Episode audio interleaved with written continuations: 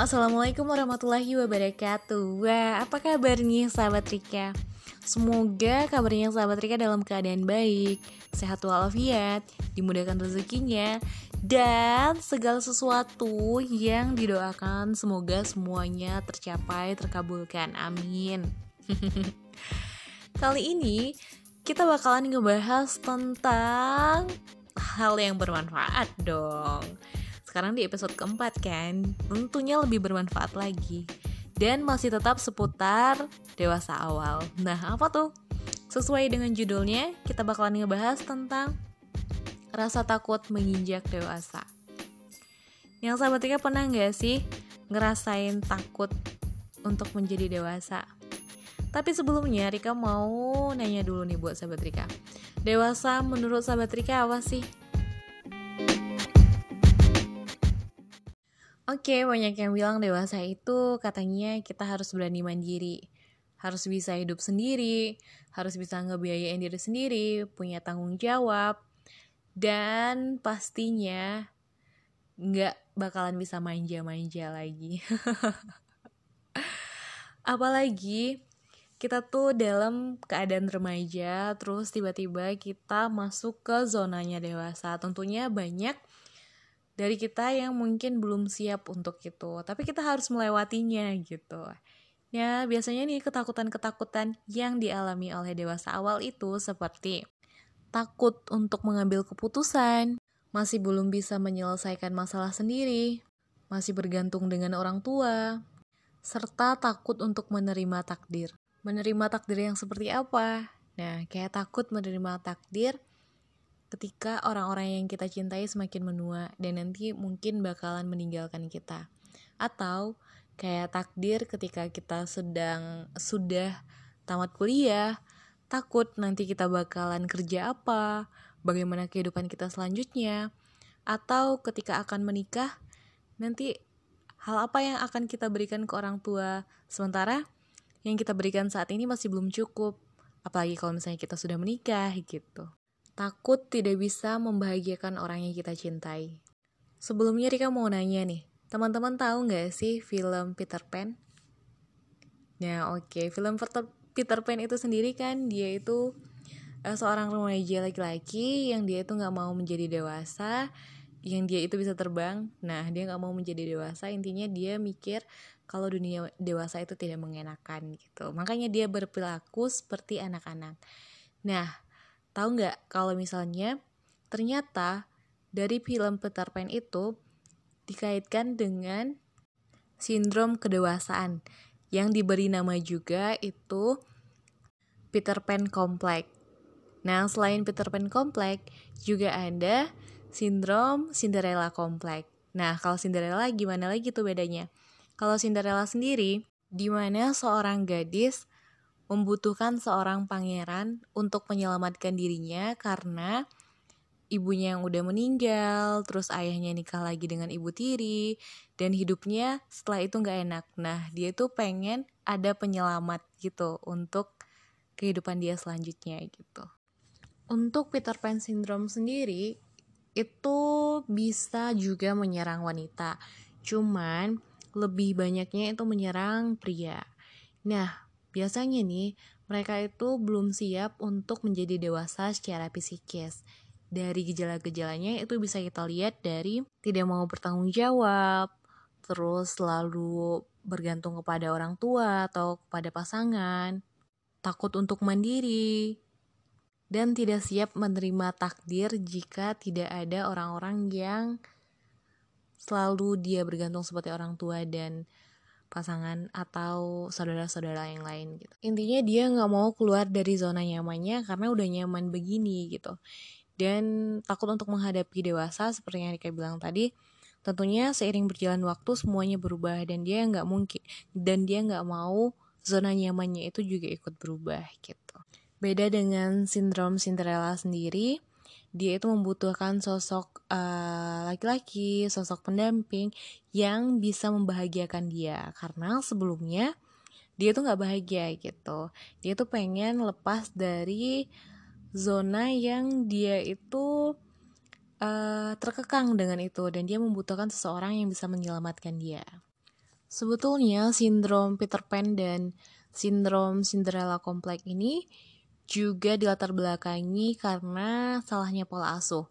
Di mana Peter Pan itu dia sangat dimanja, intinya ketika kanak-kanak dia sangat dimanja dan dia udah nyaman dengan posisi itu dan gak mau keluar gitu. Karena ketika dewasa kita harus dituntut untuk menjadi lebih uh, bisa mandiri gitu. Sementara dia sudah nyaman dengan posisi dia yang dimanja kayak gitu. Beda dengan Cinderella dengan pola asuh yang keras. Nah, itu membuat ya itu membuat seorang wanita yang terkena sindrom Cinderella itu dia pengen keluar dari zona dia yang terkekang, dia pengen ada seorang pendamping baru yang bisa menyelamatkan dia dari zona itu yang bisa membahagiakan dia intinya. Begitu untuk sindrom Cinderella dan sindrom Peter Pan ini sebenarnya nggak termasuk dalam gangguan mental. Jadi kalau misalnya kita menemukan orang-orang yang uh, terkena sindrom Peter Pan ataupun sindrom Cinderella itu jangan langsung dijat, eh kamu gangguan jiwa ya? Enggak, bukan ya. Hati-hati loh nanti. Dalam mencari pasangan, biasanya sindrom Peter Pan dan Cinderella kompleks ini mencari pasangan yang lebih umurnya lebih dewasa dari dia. Jadi untuk bisa menjadi pegangan untuk dia, untuk membawa dia ke dewasa, intinya yang bisa merangkul dia.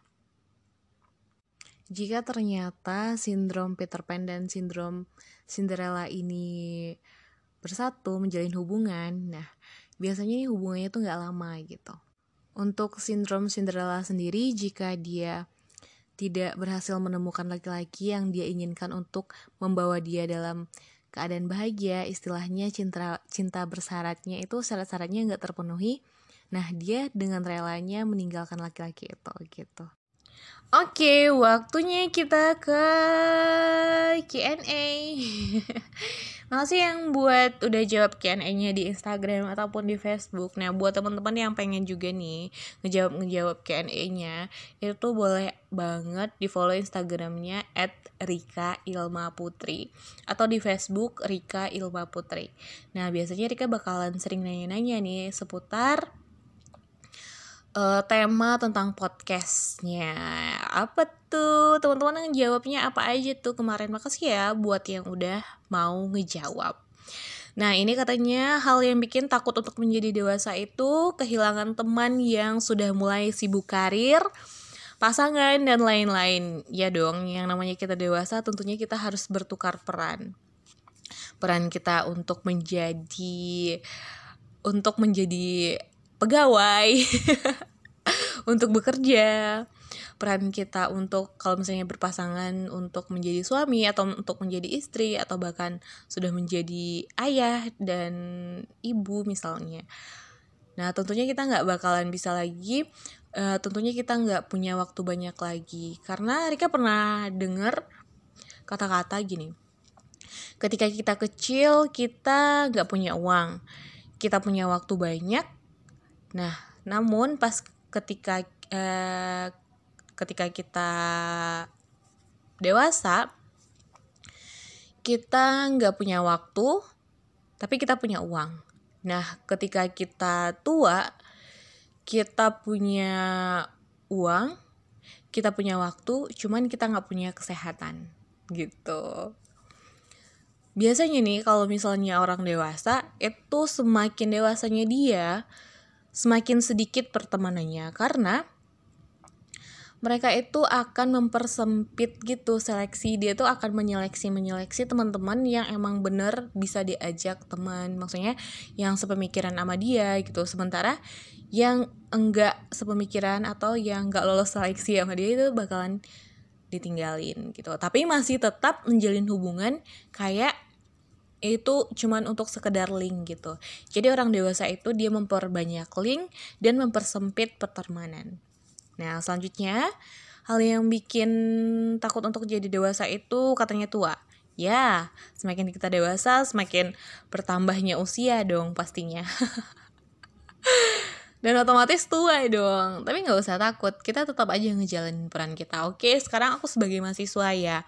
Aku menjalankan peran aku sebagai mahasiswa ya. Belajar tentunya. Terus nanti lulus. Terus nanti setelah lulus aku berganti peran sebagai pekerja. Uh, yang tentunya harus bisa ngebiayai diri sendiri atau orang tua. Nah, terus nantinya nikah, terus nantinya punya anak, kayak gitu. Itu ada peran-perannya tersendiri. Cuman gimana kitanya itu bisa memainkan peran itu uh, dengan baik gitu. Jadi jangan disia-siain. Kalau misalnya kita jadi mahasiswa ya gunain peran kita jadi mahasiswa itu dengan sebaik-baiknya gitu. Kita harus lakukan dengan apa yang kita bisa gitu deh.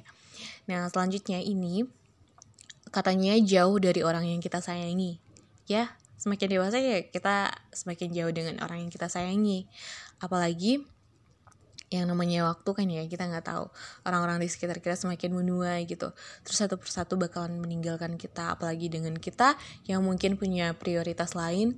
Terus kita harus ke sana untuk menuntut ilmu atau harus ke sini ke sana lagi untuk pekerjaan gitu. Ya itu kayak menjadi tuntutan untuk kita dan kita harus siap dengan itu.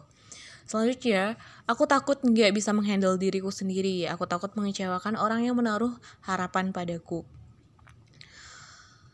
Selagi kita masih melakukan hal baik di batas uh, di kemampuan kita, mengerahkan kemampuan kita untuk melakukan hal yang baik, yang positif, itu kita tentunya bisa menghandle diri sendiri ya gak sih terus takut mengecewakan orang lain yang menaruh harapan padaku. Ya setiap orang punya harapan untuk kita. Cuman bukan tugas kita untuk memenuhi harapan-harapan mereka. Nah kita boleh aja sih oke okay, harapannya banyak orang yang mengharapkan untuk kita sukses. Terus apalagi orang tua ya berharap banget anaknya sukses. Terus nanti bisa ngebiayain dia. Harapan-harapan itu sebenarnya bisa bikin kita bingung sih bisa bikin kita stres sih. Tapi ya nggak usah dipikirin dulu ya kita jalani hidupnya kita jalani hidup ini. Terus nanti kalau misalnya harapan-harapan itu terwujud satu persatu itu urusan nanti gitu. Yang jelas kita mempersiapkan diri dari sekarang gitu. Jadi nggak usah terlalu dipikirin kita nggak usah terlalu mikirin harapan-harapan yang ditaruh orang kepada kita ya kita jalani hidup kita karena yang tahu kita terus kita harus melakukan apa itu ya kita gitu Nah, selanjutnya itu mikirin gimana caranya bantu keluarga dalam urusan biaya hidup. Terus gimana jadinya kalau udah nikah? Ya, yang namanya orang tua pasti ketika kita dewasa kita kepikiran. Nah, orang tua yang dulunya ngebiayain kita, terus ketika kita dewasa ya kita harus dong ngebiayain orang tua ya nggak sih di mana orang tua apalagi makin kita dewasa orang tua makin rapuh ya nggak terus apalagi kita yang udah kerja terus harusnya kita dong yang ngebiayain orang tua Nah, apalagi kalau misalnya kita udah nikah nih, otomatis kalau misalnya udah nikah, pikiran kita ya ke keluarga kita ya nggak sih? Kita punya keluarga baru. Nah, gimana dong dengan orang tua? Sementara kita masih belum bisa ngebahagiain dia. Tenang kok teman-teman, ngebahagiain orang tua itu nggak harus kita dari segi finansial aja gitu. Mungkin kalau misalnya kita kayak dia ngelihat mereka lihat kita itu menikah melihat kita itu punya anak terus nanti otomatis dia juga punya cucu dong. Nah itu juga menjadi kebahagiaan loh buat orang tua kita. Selanjutnya nih katanya ada yang dapat gaji tapi dipotong pajak. Ya nggak apa-apa lah. Asal dapat gaji juga semua tanggung terus ada lagi semua tanggung jawab yang begitu berat. Ya semakin dewasa kita semakin banyak tanggung jawabnya. Karena kita bukan anak-anak lagi. Kita harus bisa mengurus urusan kita sendiri. Gak bisa diurus sama orang tua lagi. Karena nanti kita bakalan siap kita harus siap dengan peran-peran yang baru dong. Terus katanya orang dewasa mengerjakan semuanya sendirian, kehilangan teman, sahabat, kadang keluarga. Ya, kita harus dituntut untuk sendiri, kita harus dituntut untuk mandiri, kita harus dituntut untuk bisa melakukannya sendiri dengan nggak harus bergantung dengan orang lain lagi, nggak harus bergantung dengan keluarga lagi. Karena nanti ketika keluarga nggak ada, ya kamu mau ke siapa gitu jadi harus bisa mandiri. Harus teman-teman harus melatihnya sekarang. Mulai dari masalah-masalah kecil itu kita harus menyelesaikannya dengan sendiri jangan dikit-dikit ngadu ke orang tua enggak gitu. Kalau misalnya pengen curhat ya curhatnya setidaknya ya ke temen deh. Bisa sih ke orang tua tapi kalau misalnya itu buat kita yakin itu bikin orang tua jadi kepikiran. Jangan dulu. Selanjutnya takut nggak bisa bersikap dewasa dan belum siap. Ya setiap orang yang beranjak ke dewasa ya pasti memiliki rasa takut dong. Karena kita tuh kaget dengan berbagai situasi yang gak sih? Di mana ya tadi peran baru itu gitu. Nah untuk bersikap dewasa sebenarnya itu bisa dilatih dong dengan dari hal kecil. Kita bertanggung jawab dengan barang-barang kita dengan kita bangun pagi misalnya gitu dengan uh, kita menjaga kesehatan kita itu bisa dimulai dari sana. Terus selanjutnya enak banget sih suaranya. Hah? Oh, oke. Okay. ternyata kamu muji suara aku. Makasih. Makasih Fatimah. Terus katanya takut terikat dan dikejar target. Karena aku tipe orang yang suka dengan pemikiran bebas. Ya aku juga orang yang pemikiran bebas kita sama. Takut terikat. Oke okay. ketika kamu takut terikat ya itu kesepakatan dong. Jadi Rika dulu pernah belajar tentang kebebasan. Kebebasan itu ya kita melakukan apa pun ke keinginan kita tanpa ada yang mengekang. Nah gitu. Nah batasan kebebasan itu kebebasan kita dibatasi dengan kebebasan orang lain. Nah di mana kebebasan itu? Nah kebebasan itu akan hilang ketika kita satu sama lain udah saling sepakat. Nah saling sepakat misalnya saling sepakat untuk menikah. Nah kebebasan kita untuk sendiri udah hilang dong. Nah ketika kita udah sepakat untuk uh, tidak bebas lagi. Nah itu tuh ya udah jadi bakalan ada konsekuensinya. Nah ketika gitu juga ketika misalnya kita kerja. Ketika kita kerja Nah kita awalnya kita nggak kerja nih kayak pengangguran nih kita bebas dong ngelakuin apa pun kita nggak terikat dong mau bangun jam berapa mau mau main juga seharian kita nggak terikat dong karena kita nggak kerja. Nah ketika kita memutuskan untuk kerja tentunya ada kesepakatan dari kita dan uh, juga orang kantor misalkan ya atau dengan kalau misalnya yang orang-orang PNS ya dengan aturan-aturan PNS-nya ketika kita udah sepakat dengan itu maka kebebasan itu akan hilang.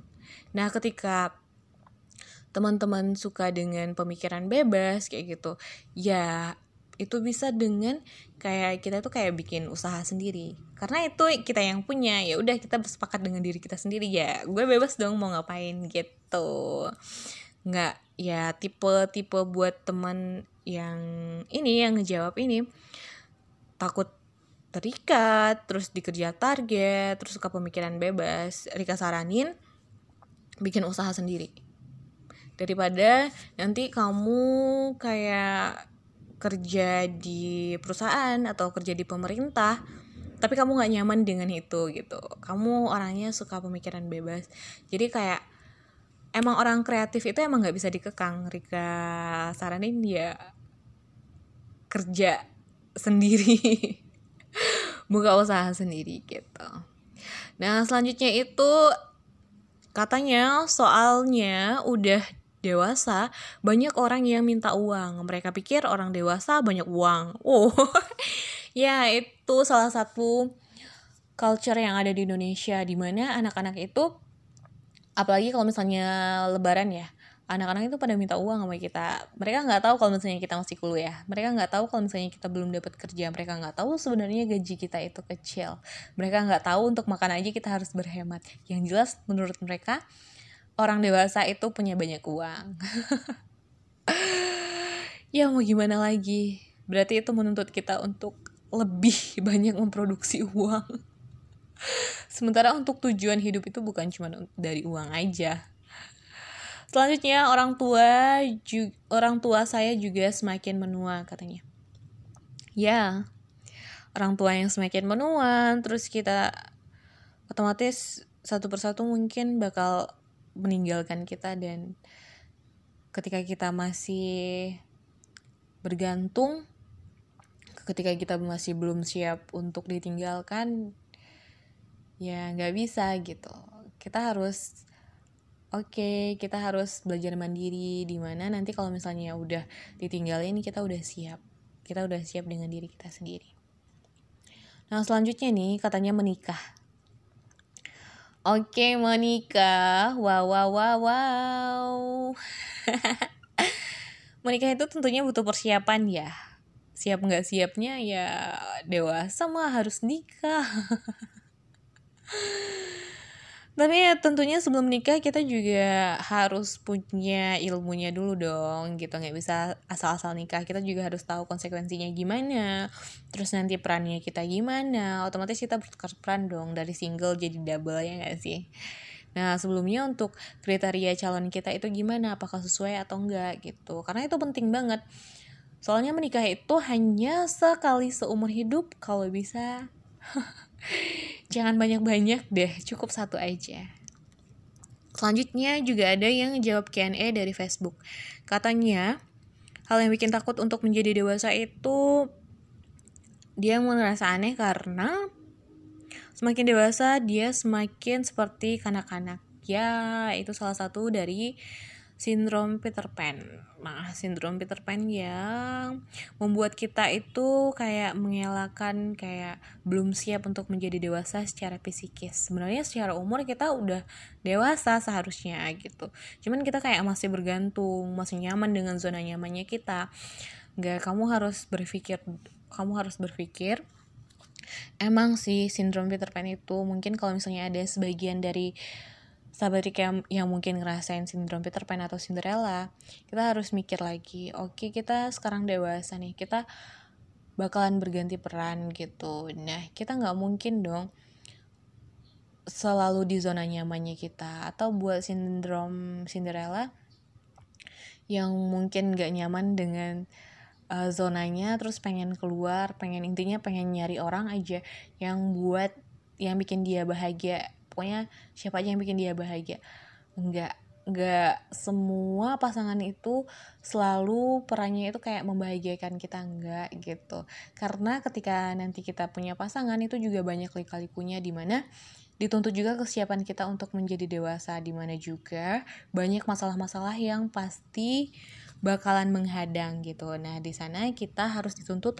untuk menjadi dewasa untuk menyelesaikan permasalahan-permasalahan itu. Oke sahabat Rika. Ini termasuk panjang loh pembahasannya Karena hmm, seru sih. Oke makasih buat sahabat Rika yang udah stay dengerin Di Rika FM Dan nantikan podcast-podcast selanjutnya. Bye-bye. Makasih yang untuk dengerin dari episode 1 sampai episode 4 ini. Terakhir Rika mau nutup dengan satu kata bagus nih untuk menjadi tua itu pasti, tapi untuk menjadi dewasa itu pilihan. Oke, sekian. Bye bye.